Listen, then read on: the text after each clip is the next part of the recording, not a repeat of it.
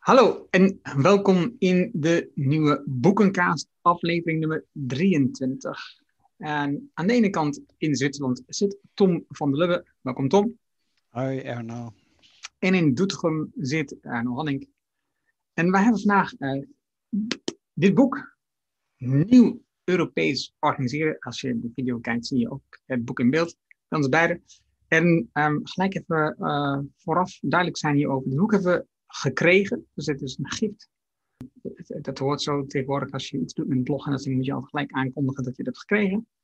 En zonder voorwaarden. Dus wij konden een bepaalde we zelf doen. Maar we hadden besloten dat we er een podcast van gingen maken. En dat doen we nu. Ik trap altijd af met een kort indruk. Maar wat is jouw eerste indruk? Nou, misschien dat ik nog even moet aanvullen. Um, ik ken zowel Jaap-Jan Brouwer als Jaap Peters. Dus zo is dat denk ik ook een beetje tot stand gekomen. Ja, Peters heeft uh, overigens ook ooit een uh, visietalk gedaan. Dat staat gewoon online. Dat zijn mensen die we, uh, ik zou zeggen, bij visie uitnodigen om, om, om een verhaal hun verhaal te vertellen. En ja, Peters is in Nederland de man die, die veel over Rijnlands altijd al geschreven heeft. Rijnlands boekje, et cetera.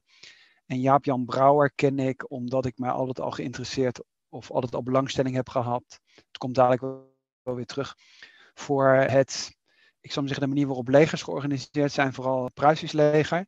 En ik wist eerlijk gezegd helemaal niet dat zij met elkaar eh, dat boek hadden geschreven. En aangezien ik hen beide ken, uh, wist ik dat op een gegeven moment dat dat, dat, dat boek, dat er een update zou komen. En uh, ik denk dat het wel goed past in deze tijden van corona, waar natuurlijk heel veel na wordt gedacht over de inrichting van de maatschappij. En zo is dat tot stand gekomen. Dus dan weten de, de luisteraars van deze podcast dat dat geen toeval is, maar dat wij dus in het kader van corona sowieso iets wilden doen met Rijnlands. En dat paste heel goed. Dus dat misschien nog even aanvullend. Ja, en dit is de vierde herziende druk.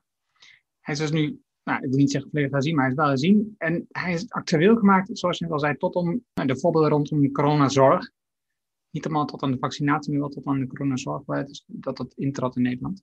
En dat is mooi. Dat is, ja, dat is goed past bij waar wij mee bezig zijn, wat, wat ons onderwerp op dit moment is. Dus dat komt goed uit. Een van de vallende inzichten, voordat ik ga uitleggen hoe het boek ons is ingedeeld, wat ik vond, was dat eigenlijk, wat wel is wat gedacht misschien, wat ook wel gezegd is, dat het Europees organiseren, of het Rijnlands organiseren, eigenlijk tegenover het Anglo-Saxische staat. Maar zij lag in het boek uit, nee, het communisme staat tegenover het Anglo-Saxische. En het Rijnlands is eigenlijk het tussenmodel, waarbij er een mix is tussen aan de ene kant de markt en aan de andere kant de overheid. Ik vond dat een, een, interessant inzicht voor mezelf in ieder geval. Ja, nou ja, wat je natuurlijk in het Duits hebt, is dat, uh, dat wordt ook uh, gebruikt, misschien komen we daar dan ook nog even op. Ludwig Erhard, die is met Adenauer in principe in de jaren 50 Duitsland weer heeft op, opgebouwd, tussen aanhalingstekens. Dus de architect van het Wirtschaftswunder. In het Duits heb je het over sociale marktwirtschaft. dus je hebt het wel over, ik maar zeggen, markteconomie of kapitalisme, maar het is een sociale kant. En dus dat is, wat dat betreft, hij heeft het dan hier over de derde weg, et cetera. Uh, dus ik denk dat dat op zich wel een goed punt is van jou. Er wordt nu tegenwoordig wordt dat inderdaad tegenover elkaar gesteld, kapitalisme en dan Rijnlands. Maar Rijnlands is eigenlijk een mengvorm van enerzijds het bedrijfsleven wat niet genationaliseerd is, maar wat, wat, wat in, een, in, een, in een markteconomische setting functioneert. En, en een overheid die, die, die als een soort tegenwicht uh, ageert. En daarom wordt het als in principe middenmodel of derde weg uh, door uh, Jaap-Jan Brouwer en Jaap Peters ook gepositioneerd. Dat klopt. Ja. Het boek begint met een inleiding tussen de kernachtige verschil tussen het Anglo-Saxisch en het Europees organiseren. Maar ook wordt gekeken waarom wij in Nederland eigenlijk zo'n hang hebben naar dat Anglo-Saxische, waar het vandaan komt en ook hoe diep dat wel niet geworteld is ondertussen in Nederland. Uh, ze zeggen al een paar keer in Nederland op echt voorop in het Anglo-Saxische uh, implementeren in Europa. En eigenlijk is dat, eigenlijk is dat vreemd. Hè? Dus als je, als kijkt, we zijn eigenlijk natuurlijk gewoon een van de landen rondom de Rijn, het Rijnlands denken. Dus we hebben echt een historie. Maar ondertussen zie je aan alle fronten dat het um, nou, echt totaal anglo-saxisch is geworden. Uh, overheid, zorg, scholing, energie. Dus dat is wel apart. En die inleiding, nou, dat zijn een aantal hoofdstukken. En dan hebben ze een bepaald moment twee formules gedefinieerd. En dan kom ik op de rest van het boek uit, wat de structuur is. C3I en de V3I. En de C3I is het Anglo-Saxische, Command, Communication, Control, Information. En V3I is vakmanschap, verbinding, vertrouwen, inspiratie, visie. En dan is de rest van het boek is vooral opgedeeld rondom het 7S-model. Ik weet niet zeker of je het kent als luisteraar, maar in ieder geval, het is het 7S-model van Peters en Waterman, uh, onderdeel van McKinsey, het McKinsey 7S-model. En, en ik vind het ook wel een beetje zonde dat ze dat 7S-model hebben gekozen, omdat het natuurlijk een heel Amerikaans model is, met heel veel Amerikaanse historie. Uh, twee Amerikanen, Amerikaanse universiteit gevolgd, uh, geven les en werk van Amerikaans adviesbureau. Dus ik vond het wel apart. Maar goed, het CVS-model, um, de onderdelen gedeelde normen en waarden, strategie, vaardigheden, systemen, structuur, stijl en personeel. En hebben ze nog twee blokken aan toegevoegd in het boek, financiën en externe relaties. En dat is eigenlijk de kern van het boek. Dat ze deze elementen van dat CVS-model behandelen. En telkens weer kijken, wat is het verschil tussen het Anglo-Saxische en het Rijnlands of het Europese? En, nou en, en, ze hebben dan wel het onderscheid gemaakt tussen de harde elementen in het, in het model en de zachte elementen in het model, waarbij het nog scherper wordt wat daar in het Anglo-Saxische is en wat daar in het Europese is. Klopt. Wat, wat vind jij, als je naar het leest van het boek, wat vind jij het meest opvallende verschil tussen deze twee? Ja, vind ik best wel lastig te zeggen. Er zijn natuurlijk gewoon heel veel elementen. Dus, dus de vraag is een beetje, wat, wat, wat, haal je daar, wat haal je er precies uit? Je hebt die structuur al even aangegeven. Ik denk, het hangt een beetje vanaf wat je, mm, ik zou zeggen, wat je achtergrond is of, of wat je in een organisatie doet. Ik zou zeggen, uiteindelijk, als we, als we even uitzoomen, dan zou ik zeggen, het, het Anglo-Saxische model gaat het eigenlijk alleen maar om de aandeelhouder die zijn winst maximaliseert. En het, het model waar we het hier over hebben, dan gaat het eigenlijk om het uitbalanceren van alle belanghebbenden.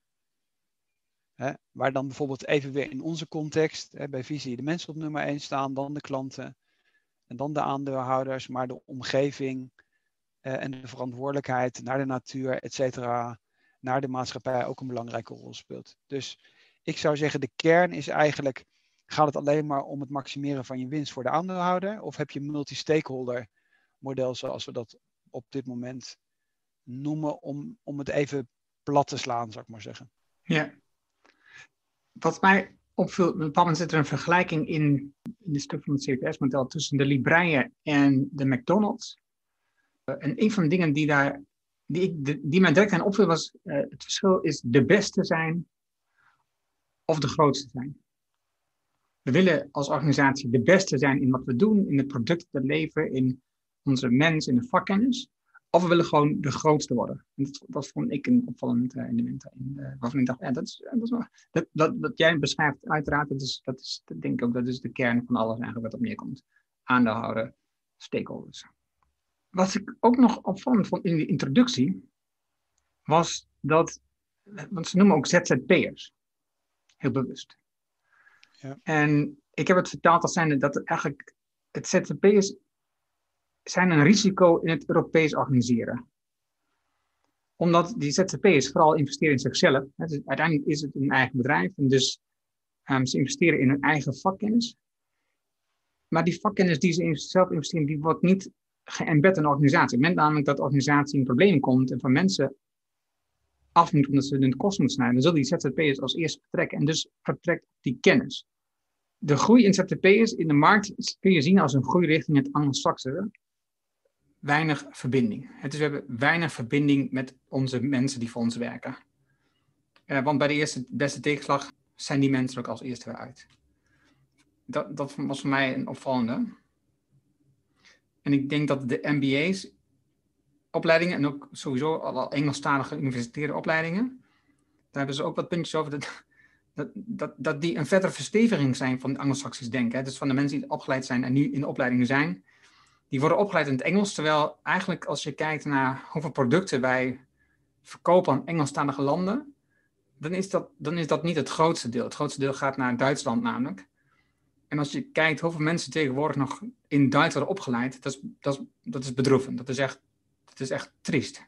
De mensen waar we, de partners zou je misschien kunnen zeggen, waar het meeste mee samenwerken in Europa, die talen die kunnen we door de bankgenoten het slechtste, want ze komen in de opleiding namelijk gewoon niet meer terug. Dus daar zie je ook weer het spreadsheet denken, het snelle denken, opleiden van mensen tot heel algemene kennis en uitwisselbaar maken in elke organisatie. Dus um, je hebt managers, managers in je bedrijf uiteindelijk met een MBA-opleiding, fantastische opleiding. Maar ze hebben helemaal geen binding met het product of de mensen in je bedrijf. Ze zitten gewoon te rekenen aan een spreadsheet in hun eigen kantoor. En ik zeg dat niet voor niks, ik moet even bijzetten, ik spreek uit ervaring. Ik heb een MBA gedaan. Ik heb wel een executive MBA gedaan, dus, dus het was in een werkomgeving. En het ging ontzettend veel over ervaring uitwisselen tussen andere studenten. Dus het was in een part-time uh, omgeving. Dus je, je kon alleen maar daar aan deel als je, als je werkzaam was in een managementfunctie in een bedrijf. Maar dan nog, dan nog leer je alle typische Amerikaanse modellen en alle typische Amerikaanse manieren. Um, en, die, en die ga je uiteindelijk ga je proberen te toepassen in een bedrijf. Wat in de kern niet typisch Amerikaans is. Ja, wat misschien wel uh, goed is om uit te leggen, is dat in het boek worden stukken tekst afgewisseld met, uh, ik zal zeggen, tabellen. Waar, waar steeds dingen uh, tegenover elkaar gesteld worden. Dus ik neem bijvoorbeeld nu één voorbeeld. Bladzijde 76, dan gaat het over besturingsconcept of over managementconcept. En dan worden de dingen naast elkaar gezet. Dus het gaat dan om bijvoorbeeld vakmanschap of lange termijn of vertrouwen of decentrale verantwoordelijkheid, et cetera, et cetera. En dat maakt het in principe ook goed leesbaar. En tegelijkertijd staan er dan soms ook weer blauwe stukjes in met, uh, met, met, met uh, voorbeelden, zoals jij dat net, net noemde, waar dan bijvoorbeeld twee bedrijven met elkaar vergeleken worden. Maar er zijn wat dat betreft natuurlijk ook veel bruggetjes naar, naar eerdere podcasts. Of het nou Small's Beautiful is van Schumacher, of um, The Value of Everything. Value of Everything. Of het lange termijn denken van Arie de Geus. Living Organizations. Dus het is, ik zou zeggen, hier worden dingen, ik wil niet zeggen praktisch, maar best wel heel erg pragmatisch platgeslagen. Uh, dus misschien is het wel interessant om gewoon er eens een hoofdstuk uit te pakken wat jij bijvoorbeeld, wat jij bijvoorbeeld bijzonder, bijzonder interessant vond. En dan eens uit te leggen hoe ze dingen hoe ze dingen vergelijken. Hè? Bijvoorbeeld, ik heb nu even dat, dat genoemd. Dat bijvoorbeeld medewerkers op de eerste plek zetten, dus bijvoorbeeld uh, hoofdstuk 11 of rol van financiën. Leidinggeven hebben we net even over gehad. Vakmanschap, dus afhankelijk van wat je interessant vindt, kun je dan eigenlijk relatief goed, want die hoofdstukken zijn ook niet altijd heel erg lang. Die zijn, ik zou maar zeggen, tussen de 10 en 20, 20 bladzijden. Kun je dus op zo'n op zo'n thema kun je de diepte in, uh, ingaan. Ja. ja, twee elementen die mij aanspreken, waar nou, wel van dacht, dat, dat is wel een duidelijk verschil. En dat is in het hoofdstuk 6, um, waardecreatie als strategie staat hierbij. Want het gaat over waarde en, en uh, drijfveer van bedrijven. Dus het is de middelste cirkel in de CVS. En dit gaat over um, het, verschil, het, het, verschil tussen die bedrijven is aan de ene kant dat je werkt aan de kwaliteit van je product, of aan de andere kant cost leadership en product leadership. Ja. Dus je, je, je bedrijf is geconcentreerd om te letten op de kosten of te kijken naar kwaliteit van je product. En daar is een heleboel omheen georganiseerd, want dat is, dat is de visie waar je voor staat. En als je namelijk gaat voor cost leadership, betekent uiteindelijk dat je um, moet groeien om voldoende geld te verdienen. Je, moet, je hebt veel omzet nodig, veel productomzet nodig om, om voldoende marge te halen. En niet alleen dat, dan zie je dat natuurlijk dat idee van cost leadership aan alle kanten wordt uh, opgevoerd. Hè. Dus ook in opleiding van mensen wordt geknibbeld in de kosten. En in product leadership zie je juist dat uh, een focus ligt op de kwaliteit van het product. Hoe kan ik ervoor zorgen dat het product zo goed mogelijk wordt voor die klant die het afneemt, zodat die relatie van de, met de klant goed is, met de mensen die het maken goed is, met de omgeving goed is. Dus dat, is, dat vond ik een opvallende. Oké, nou een stukje waar ik wel iets over wil zeggen, dat is in dit boek hoofdstuk 7. En dat heet kennis en vakmanschap als basis. En dat is iets, een thema wat, wat bij ons natuurlijk in onze boekenpodcast uh, ook vaker terugkomt. In de visiecontext uh, is het bij ons de adviseur die op de eerste plek komt. Waarvan wij zeggen, uh, wij hoeven onze adviseurs niet te vertellen hoe ze onze klanten moeten adviseren. De adviseur gaat altijd op zoek naar de best mogelijke oplossing voor, voor de klant. Of buurtzorg, de mensen in de zorg, die hoef je niet uit te leggen hoe ze bij de thuiszorg uh, hun mensen helpen.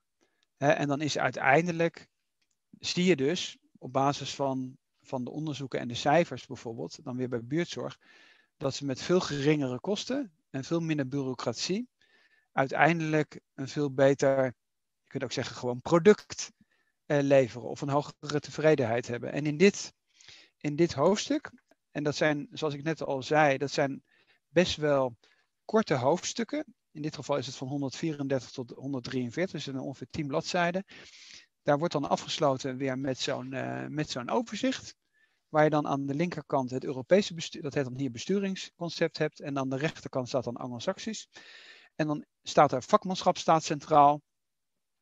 En zoals we het van Taylor, Taylorisme kennen, in, in het Amerikaanse model is het meer de manager vertelt aan de werkvloer hoe ze dingen moeten doen. En degene in de werkvloer die mag alleen maar uh, het rechte achterwiel opschroeven de hele dag. Maar mag niet zelf beslissen wat voor de klant relevant is. Of een ander voorbeeld, de vrijheid bijvoorbeeld ook je eigen kaders te bepalen. Dus iemand die aan de balie staat bij een hotel, uh, die heeft zelf de vrijheid een klant een upgrade te geven of iets aan te bieden. Nou, zo kun je eindeloos doorgaan. In een restaurant de vrijheid heeft om iemand nog het dessert uh, te geven, et cetera. En wat dat betreft zou ik het ook qua voorbeeld, om nog even dat voorbeeld aan te halen van uh, McDonald's en Libraïe. Mm-hmm. Ik zat daar nog even over te denken gisteravond. Ik dacht van nou, misschien was het beter geweest om Pizza Hut te nemen versus de normale pizzeria op de hoek van die Italiaanse familie. Want dan, dan had je namelijk hetzelfde product gehad met dezelfde prijs. Ja. Want anders ben je toch een beetje appels en peren aan het vergelijken. En dan, en dan is die vrijheid die de Italiaan op de hoek heeft, die jou op een gegeven moment kent en zegt: Erno, hoe gaat het met je? En, en, en die dan zegt: Erno, sorry, maar de taaltjes zijn bezet. Ga, eh, zijn bezet. Ga even aan de bar zitten. Wil je een Prosecco hebben? En, en, en ook naar de hand daadwerkelijk vraagt Erno hoe heeft het gesmaakt. En ook nog vraagt aan je kinderen hoe de pizza was. Uh, en dan zegt iemand, nou ik vond het niet zo goed. Of uh, was iets te lang erover. En dan zegt hij van, nou wat wil je? De share gaat op mijn rekening. En dan zegt jou, zeggen jouw kinderen, nou doe mij maar een tiramisu dan zou je denk ik op een hele praktische manier, want iedereen die gaat wel eens pizza eten, dan zou je iets heel praktisch hebben gehad waar je twee keer, je vergelijkt pizza's met pizza's. Dan zou iedereen ook begrijpen dat die speelruimte die er is, of iemand zegt van nou ik wil wel die pizza hebben, maar zou je daar ook nog uh, een paar schijfjes salami op kunnen doen? Of ik wil die pizza hebben, maar ook sokken erbij. Dan zou je die flexibiliteit hebben, want bij Pizza Hut zou men zeggen nee, we hebben alleen maar dat het op de kaart staat. En dat is in principe bij dat vakmanschap, maar tegelijkertijd dat, dat, dat respect voor die pizzabakker is. Die zegt, kijk maar hier, ik sta daar aan die oven en dat mag je zien. En uh, je moet die pizza zo draaien. En dat, ja, dat wordt best wel gecelebreerd. Hè? En, en die mensen zijn ook best wel trots op dat ze daar die beste pizza uh, maken. Maar daar is, daar is ook wel weer die, die flexibiliteit. Dan is dat misschien een beetje een banaal voorbeeld. Maar het laat ook een beetje die menselijkheid weer zien. Dus niet, niet de mens als een resource die ergens in een keten staat in, in zo'n pizza had en, en de een die legt alleen maar plakje salami erop en de volgende staat alleen maar aan de kassa. Want dat is, een beetje dat McDonald's voorbeeld. Uh, waar eigenlijk een beetje dat werk ontmenselijkt wordt. Dus er wordt eigenlijk gezegd waar jij in die, in die, in die lijn staat. Of jij nou deeg doet of, of dus plakje salami erop of van de kassa. Het maakt eigenlijk niet uit. Jij bent heel makkelijk inwisselbaar. En dat gevoel hebben denk ik ook die mensen in dat, in dat Tayloristische model. En bij vakmanschap komt dat denk ik heel goed tot zijn recht. En als je natuurlijk een complexere organisatie hebt, of academisch opgeleide mensen, of technisch opgeleide mensen, er zijn ook voorbeelden in dat boek, waar dan bijvoorbeeld technisch iets niet functioneert. En dan komt iemand uit die de, die de, de research af, uh, op uh, de afdeling leidt, maar nog steeds in staat is die machine te repareren op de werkvloer. Ik denk dat dat, dat zie je bijvoorbeeld bij ons in het bedrijf ook, de oprichters, er zijn nog steeds drie van de vier oprichters, die daadwerkelijk klanten adviseren. Dus men weet waar men het over heeft. En ik denk dat dat heel belangrijk is ook voor het, om het verschil aan te geven. En je hebt natuurlijk bijvoorbeeld in banken heel veel mensen die geven leiding, hebben nog nooit een klant geadviseerd, een hele leven niet. Die komen met een MBA-graad, komen ze in een strategieafdeling en gaan dan naar de hand leiding geven aan retail. Gaan allerlei mensen vertellen hoe je klanten moet adviseren, maar hebben in hun hele leven nog nooit één klant financieel advies gegeven. En ik denk dat dat misschien wel een beetje de kern is van dat, van dat, uh, van dat vakmanschap. Ja, en het is die uitwisselbaarheid. Want dat je mensen zo stopt in, dat, in een vast proces, in een vast stukje van het proces. Wat je zegt, hè, je mag alleen het achterwiel aan vastkoppelen, je mag alleen de kassa doen met de McDonald's.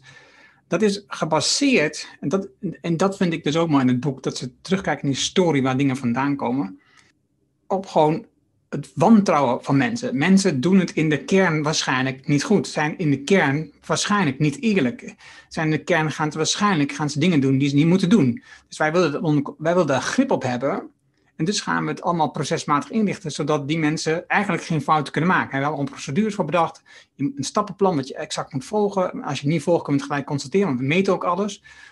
Maar dat heeft tot gevolg dat mensen dus ook niet verder denken dan die stappen. Alleen die stappen uitvoeren en eind van de dag naar huis gaan zonder een tevreden gevoel. Want ja, je hebt helemaal geen overzicht over wat nou het eindproduct is of wat nou de klant krijgt of hoe de klant ervaren heeft. Dus, dus je hebt minder plezier in je werk. Je bent uitwisselbaar, dus je kunt morgen vervangen worden door iemand anders. Um, dus dat brengt ook met zich mee dat mensen geen lange termijn visie bij zijn bedrijf hebben. Niet, niet uh, een, verwantschap hebben met, met collega's of met het bedrijf. Nou, misschien met een collega, maar niet met het bedrijf zelf. En dat is dus exact de reden dat dus, grappig genoeg, ook de, de Anglo-Saxische bedrijven, terwijl je het niet zou verwachten, want die kloppen zichzelf namelijk ontzettend hard de borst. We lezen ook heel veel boeken van Amerikaanse uh, ondernemers die ontzettend hun best doen. Laatst ook dat scalingboek van um, Blitzscaling van... van Reid Hoffman. Precies. dat, dat zijn de Amerikaanse natuurlijk fantastisch goed in om dit dingen plat te slaan. Heel erg makkelijk in kleine blokjes in te delen dat iedereen het begrijpt. En dan de wereld in te gooien met een flink stuk marketing. Maar doordat ze dat dus doen, zo plat slaan, dat mensen uiteindelijk geen ervaring echt opdoen en kennis opdoen en op basis van kennis worden gewaardeerd, neemt de innovatie in het bedrijf dus af. Ja. Ze snijden in ontwikkeling, maar ze leiden de mensen ook niet op. De mensen willen ook niet opgeleid worden, want ze gaan niet met hun eigen aan de slag, want misschien zijn ze morgen namelijk toch weg. Dus uiteindelijk ontstaat er helemaal geen kennis in het bedrijf. En als je dan, uh, het, boek wat, dus, ik, vind, ik vind het dus mooi, maar dat heb jij waarschijnlijk ook. De, de momenten dat ze uh, kennis hebben verkregen in Amerika, heel veel kennis verkregen, was rondom de oorlogen. Hebben ze namelijk al die mensen, dat hebben we al eerder gehad, jij zegt al die mensen die, die, zijn vertrokken naar Amerika, maar ze zijn of vrijwillig gegaan, of ze hebben ze opgehaald, heel bewust. Hè? Dus mensen met kennis hebben ze gewoon opgehaald. Ze hebben kennis opgekocht, patent opgekocht in Amerika, omdat ze het zelf niet hadden hebben ze heel lang geteerd, ook in de uh, farmacie. En op een moment ja, lopen die patenten af. Ze hebben verder geen ontwikkeling, want er zit een enorme focus op de kosten. Dus we gaan niet investeren in ontwikkeling. Dat is voor de lange termijn. Daar hebben we nu geen tijd voor. Daar hebben we nu ook geen winst van voor onze aandeelhouders. Dus dat gaan we niet doen. Maar op een bepaald moment is die kennis op en komt er geen nieuwe kennis. Je patent loopt af. En dan moet je maar bedenken hoe je dat gaat ook niet. En de Europezen hebben natuurlijk in die tussentijd gewoon verder gewerkt aan kennis. En ik had, dat, ik had me dat niet zo gerealiseerd dat dat eigenlijk een cruciaal verschil is tussen de Europese bedrijven, dat die werken aan kennis, daardoor efficiënter georganiseerd zijn, ook nog eens um, een hoger rendement hebben. En die mensen moeten gewoon in Amerika harder werken voor hetzelfde resultaat. Ze moeten meer uren maken voor hetzelfde resultaat. Wij werken minder, en dat, ja, dat beschuldigen ze ons van, dat wij te lui zijn. Maar eigenlijk zijn we gewoon slimmer, want we doen meer werk in minder tijd beetje natuurlijk ook van deze twee mannen. Maar ik vond dat super interessant. Nou, wat je natuurlijk in de huidige crisis ook weer ziet, is dat. Eh, we hebben natuurlijk al vaker over solidariteit ook gehad. En dat begrijpt eigenlijk elke ondernemer wel. Je hebt heel veel moeite heb je gedaan om mensen aan te nemen, om die in te werken, om, om, om ervaring op te bouwen. En als je natuurlijk elke keer heel erg op de korte termijn zit. En, en de uitkomst, het startpunt is. Hè, je moet zoveel aandeelhouderswinst of zoveel dividend moet je afleveren. En als je dat dan niet aflevert, dan moeten daar maar in de kosten gesneden worden. Of dat dan meteen een korte termijn effect heeft, dan is dan weer een andere vraag. Maar je hebt eigenlijk permanent heb je die cycli die elkaar opvolgen. Hire en fire. Het heet niet voor niks, heet dat zo. Terwijl natuurlijk wat je eigenlijk wilt is als je kennis wil vasthouden en het eigenlijk stabiliteit in je organisatie wil brengen en kennis wil opbouwen, het meest efficiënte is natuurlijk als mensen lang met elkaar samenwerken, weten waar ze het over hebben, want dan hebben ze al een half woord genoeg. Uh, en als je elke keer weer nieuwe collega's hebt, eh, dan begin je elke keer weer bij Adam en Eva. Dus eigenlijk is het met gezond mensenverstand is dat heel logisch. Maar dat is in principe wat je natuurlijk ziet bij, bij beursgenoteerde ondernemingen. Dat die reactie elke keer aan de kostenkant dan weer mensen weg te snijden. want zo gebeurt dat dan. dat heet dan ook wegsnijden. Uh, het zijn wel mensen overigens. Uh, dat je in principe dan weer een half jaar later moet je die mensen weer aannemen. Want dan wil je eigenlijk weer een stap verder zijn. Dus het is, er zijn heel veel korte termijn uh, stappen die steeds gezet worden. Terwijl in, in het meer Europese model, of je kunt ook zeggen bij bedrijven die, die small and medium-sized enterprises, of eh, MKB zouden we in Nederland zeggen, of in Duitsland middelstand. Ja, daar zit een eigenaar die zegt van, nou, weet je, dit jaar zit het tegen. Nou, dan maar een jaar geen winst. Maar ik ga niet die mensen er allemaal uitzetten die ik, die ik dan een half jaar later of een jaar later weer, weer moet aannemen. Want dat schiet dus helemaal niet op.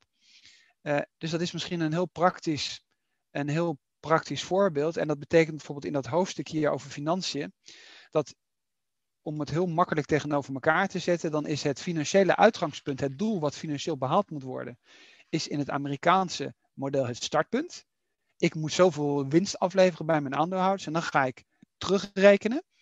En in het Europese meer MKB-model zijn ook veel meer naar bedrijvenbeurs genoteerd, is het veel meer, ik heb de juiste mensen, ik probeer het beste product te hebben en dan probeer ik het elke keer een beetje beter te doen. En als ik dan tevreden klanten heb en ik heb een goed product en ik ben ook nog innovatief, dan komt de winst wel vanzelf. Dat is eigenlijk uh, het, denk ik, het grote verschil als je het vanuit financieel oogpunt ziet. En je ziet denk ik, want we hebben het vaak in het boek ook over familiebedrijven. In, in, Nederland zijn dus de familiebedrijven dus opmerkelijk kleiner dan bijvoorbeeld Duitsland en Frankrijk. Heb je ook hele grote familiebedrijven. De, de gedachtegang oorspronkelijk is natuurlijk, ik wil het bedrijf overdragen aan mijn kinderen. Dat brengt automatisch een lange termijnvisie met zich mee. Je, je brengt automatisch, bouw je aan een bedrijf wat duurzaam is, wat, wat jou voorbij leeft. Ja, en dat is natuurlijk het verschil met aandeelhouders. Ze zijn er vandaag en morgen zijn ze weg, want dan hebben ze een ander aandeel gekocht wat meerwaarde oplevert.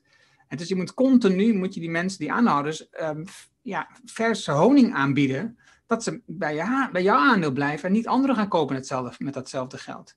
Ja, en dat is natuurlijk, als je een familiebedrijf hebt, dat je werkt aan ja, de doorzetting van je bedrijf, wat in je familiebedrijf op lange termijn, dan weet je al, weet je, het gaat niet over dit ene jaar met corona, ja, het is ontzettend vervelend. Het is ontzettend lastig. Het is heel moeilijk. Klopt. Maar we kijken verder dan dat, want er komt ook weer een ander moment aan waar we die mensen nodig hebben, waar we weer gaan ontwikkelen, waar we nieuwe dingen krijgen, waar de winst weer doordraait en dat soort dingen allemaal. Heb je nog iets wat je in het bijzonder wilt vertellen nog? Nou, wat ik natuurlijk interessant vind is bijvoorbeeld de link ook weer naar eh, de maatschappij. Dat is hoofdstuk 13, de omgeving als natuurlijk gegeven dat het even aansluit bij, waar, wat, bij wat jij net zegt.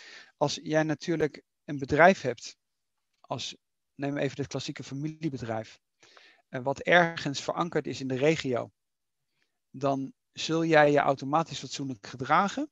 We hebben wel eens in andere boekenpodcasts gezegd, je zit in principe, vroeger zat je met je werknemers in dezelfde kerkbanken.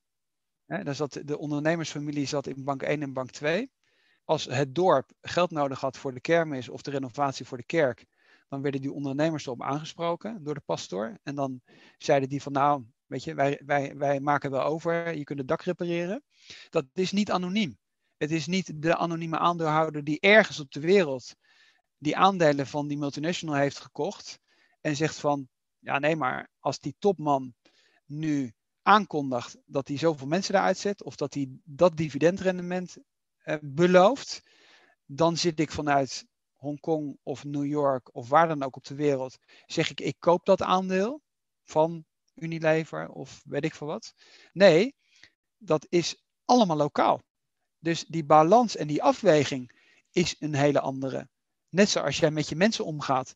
Jij kunt slecht in een lokale setting, als jij een Doetinchem ondernemer bent en jij hebt iemand die al twintig jaar voor jou werkt en je hebt twintig jaar, heeft diegene eraan bijgedragen dat jij twintig jaar lang winst maakte, dan kun jij slecht in jaar 21 Erno Hanning zeggen, ik heb jou niet meer nodig Erno, want het gaat nu drie maanden slecht, terwijl jij Erno Hanning in de winkelstraat van Doetinchem de komende tien jaar op zaterdag op de markt tegenkomt. Dat is, dat is niet iets anoniems wat heel ver weg gebeurt. Dus het is, uiteindelijk hebben die dingen allemaal heel erg met elkaar te maken. En ik vind het uh, bij die omgeving als natuurlijk gegeven, is dat misschien nog wel belangrijk. Want dat is iets wat we natuurlijk in de, in de coronacrisis ook weer zien terugkomen. Aandeelhouders die ver weg zitten en weinig direct contact hebben met hun mensen, die zetten er allerlei mensen tussen. Die zeggen van nee, maar ik ben niet degene die die mensen allemaal ontslagen heeft. Dat laat ik mijn manager doen. Of dat laat ik de HR-afdeling doen. Als jij een MKB-bedrijf hebt en jij zelf door die fabriek loopt, dan kun jij niet tegen iemand anders zeggen, ja, maar dan moet jij die Erno Hannik daar uitzetten. Want jij weet wie Erno Hannik is en je weet ook dat Erno Hannik kinderen heeft. En misschien zijn jouw kinderen met Erno Hannik ook, met Erno Hanniks kinderen ook in dezelfde voetbalvereniging, et cetera. Het is allemaal veel persoonlijker en daarom kun je daar niet zo makkelijk, je kunt het niet zo makkelijk op afstand drukken en zeggen, nee, dat is niet mijn, niet mijn thema, dat hebben andere mensen gedaan. Ja, sterk, want eh, zij beschrijven ook in verschillende hoofdstukken komt er terug dat dus die um, centralisatie uh, die ze noemen, dus, dat, dus dat, dan gaan ze de, de, stafafdeling die wordt steeds groter. Dan krijg je aparte statige panden voor met marmer en andere dingen. En die mensen die regeren op afstand hebben totaal geen enkele binding meer met de fabriek, met de werkenden, met de werknemers, met het productieproces, met het product. Dus de, de afstand is bewust zo groot gemaakt. En, en zijn dus ook daarin in staat om zichzelf op een bepaald voetstuk te plaatsen want dat ziet toch niemand. Alleen de aandeelhouder of wat dan ook die voorbij komt op het moment dat ze op kantoor komen. Ja, wat misschien nog wel belangrijk is te zeggen, is dat bijvoorbeeld de mensen die leiding geven in de Rijnlandse bedrijven, om nog even dat punt op te pakken, zijn mensen die dat werk daadwerkelijk ook vaak zelf hebben gedaan. Het is de ingenieur die dat kleine machinebedrijf heeft opgebouwd en zelf ook nog, als het nodig is, ik zal maar zeggen, de, de sleutel pakt en, en zelf daaraan schroeft. dat zijn of als jij, ik noem maar wat, ik, ik ken een voorbeeld van een ondernemer die, die deed reparaties aan booreilanden. En als het dan echt, als echt gevaarlijk werd, dan deed hij zelf het pakken aan en, en, en, en dook naar beneden. En dat betekent natuurlijk ook, dan wil ik misschien ook toch wel even de link maken naar, naar, naar de legervoorbeelden van Jaap-Jan Brouwers voor een, voor een andere boekenpodcast. en, en ook naar de boekenpodcast die we met Simon Sinek hebben gedaan, Leaders Eat Last. Het respect van het leidinggeven is natuurlijk heel anders als jij zelf als puntje bij paaltje komt, in de ring kunt stappen en heel geloofwaardig het werk van de werkvloer zelf kunt doen. Omdat dan degene zegt van dat is niet de theoreticus die op afstand mij uitlegt hoe ik het moet doen, maar zelf nog nooit het heeft gedaan. Of nog geen deuk in een pakje boter slaat. Of een beetje dat, dat, dat lijnrechterprincipe. De beste schippers staan aan wal. Nee, het zijn de mensen die het werk vaak vroeger ook gedaan hebben. En daardoor ook een, hoge, een hoog commitment van hun mensen krijgen. Omdat ze echt ook wel weten waar ze het over hebben. En ik denk dat dat toch wel heel belangrijk uh, is. Het is een, verlengen, een verlengde van dat vakmanschap. Het zijn, het zijn de beste vakmensen die uiteindelijk dan ook in een soort leidende rol zijn. Wat ze hier meewerkend voorman uh, noemen. Dat is wat dat betreft misschien nog wel een, mooi om dat woord even te noemen. Meewerkend voorman is degene die in principe uh, daar dan ook de leidinggevende of de coördinerende rol heeft. En dan ben je uiteindelijk weer bij dat voorbeeld van die, van die Romeinse legereenheid en Simon Sinek, waar die soldaten allemaal zelf in, het, in hetzelfde tentje uh, slapen en zeggen van nou, uh, we geven jou wel de coördinerende rol. Oké, ik ga hem afronden, want ik, het boek is gewoon in mij natuurlijk goed. Um, het spreekt me enorm aan. Het, het heeft me veel inzicht weer gegeven, ook in waarom de dingen zo lopen in de zorg bijvoorbeeld, en bij grote bedrijven, en waarom het in de NKB juist anders is. Terwijl in de media hebben we het vaak over ondernemers, en dan hebben we het over bedrijven, en wordt dat op één hoop gegooid. Maar er is wel degelijk een verschil tussen de MKB en de familiebedrijven. en die grote bedrijven. En er is ook een ongelijke behandeling in de politiek uh, voor die twee partijen. En het is grappig genoeg, het, het, lijkt wel of die juist die groep een voorkeursbehandeling krijgt, terwijl ze het minste um, investeren in de nationale economie. Wat ik ook gerealiseerd is dat we, wij, jij en ik, maar ik zelf zeker, wel wat meer focus nog hebben op Europese boeken in plaats van Amerikaanse boeken. Ik, Amerikaanse boeken zijn natuurlijk fantastisch. Hoge verhalen, grote verhalen, grote sommen geld, grote bedragen die genoemd worden. En Europese zijn daar wat minder um, bombastisch in. Wat minder heldhaftig misschien. En dat komt natuurlijk ook door die positie die een CEO in zo'n plek inneemt, die, die volgens hem alle besluiten neemt. En in, in, het, in het MKB wordt gezegd, nee, wij doen het samen. Uh, en dus staat eigenlijk die ondernemer nooit op zo'n platform of op zo'n verhoging. Omdat hij vindt, wat je zegt met die Romeinen, je slaapt in dezelfde tent. Weet je? Dat, is, dat is hoe het elkaar zit en, en, wat het laatste nog wil zeggen is, het is een interessant boek dat we eigenlijk in Europa heel erg sterk zijn. Wanneer we gewoon vertrouwen op onze eigen manier van organiseren, op onze eigen innovatiekracht die we hebben. En vooral ook omdat we minder focus hebben op die aandeelhouders, maar gewoon focus hebben op alle belanghebbenden. Dus alle belanghebbenden in Europa. Laten we dat even um, groter maken dan in Nederland, denk ik dan. Want een sterk Europa is namelijk van belang om minder afhankelijk te zijn van de VS en van China. En dus als we willen dat we hier sterk in worden, dan is het goed om te kijken hoe kunnen we als, in Nederland als organisaties, als overheid, als partijen, als bedrijven teruggaan naar het Europees organiseren. Om juist dat te realiseren, om, om gezamenlijk afspraken te maken, om samen wijs te worden, om te vertrouwen hebben in verschillende organisaties, om de ziekenhuis met elkaar bijvoorbeeld te vertrouwen. Niet zeggen, wij zijn in ziekenhuis, wij zijn in concurrentieslag met jullie. Nee, dat is onzin. Daar heeft namelijk de patiënt, niet de klant, de patiënt heeft daar namelijk niets aan. En dus het is goed om te kijken, wat betekent de historische waarde van innovatiekracht, van dat we waarde hechten aan vakmanschap, aan samenwerking, vertrouwen. Dus ik, ik zou zeggen, lees het boek. Zeker als je in Anglo-Saxische omgeving bent, Anglo-Saxisch bent opgeleid, maar ook als MKB'er. Om je te realiseren welke kracht je eigenlijk in handen hebt. En, en je niet laat verleiden door die fantastische verhalen van die grote ondernemers die met miljoenen ervan doorgaan op dat moment kan zelf ook wel eens af en toe proeven dat dat ja, toch ergens die ding van, nou, dat zou ik ook wel willen verdienen. Dat is voor mij. Heb je nog een laatste aanvulling?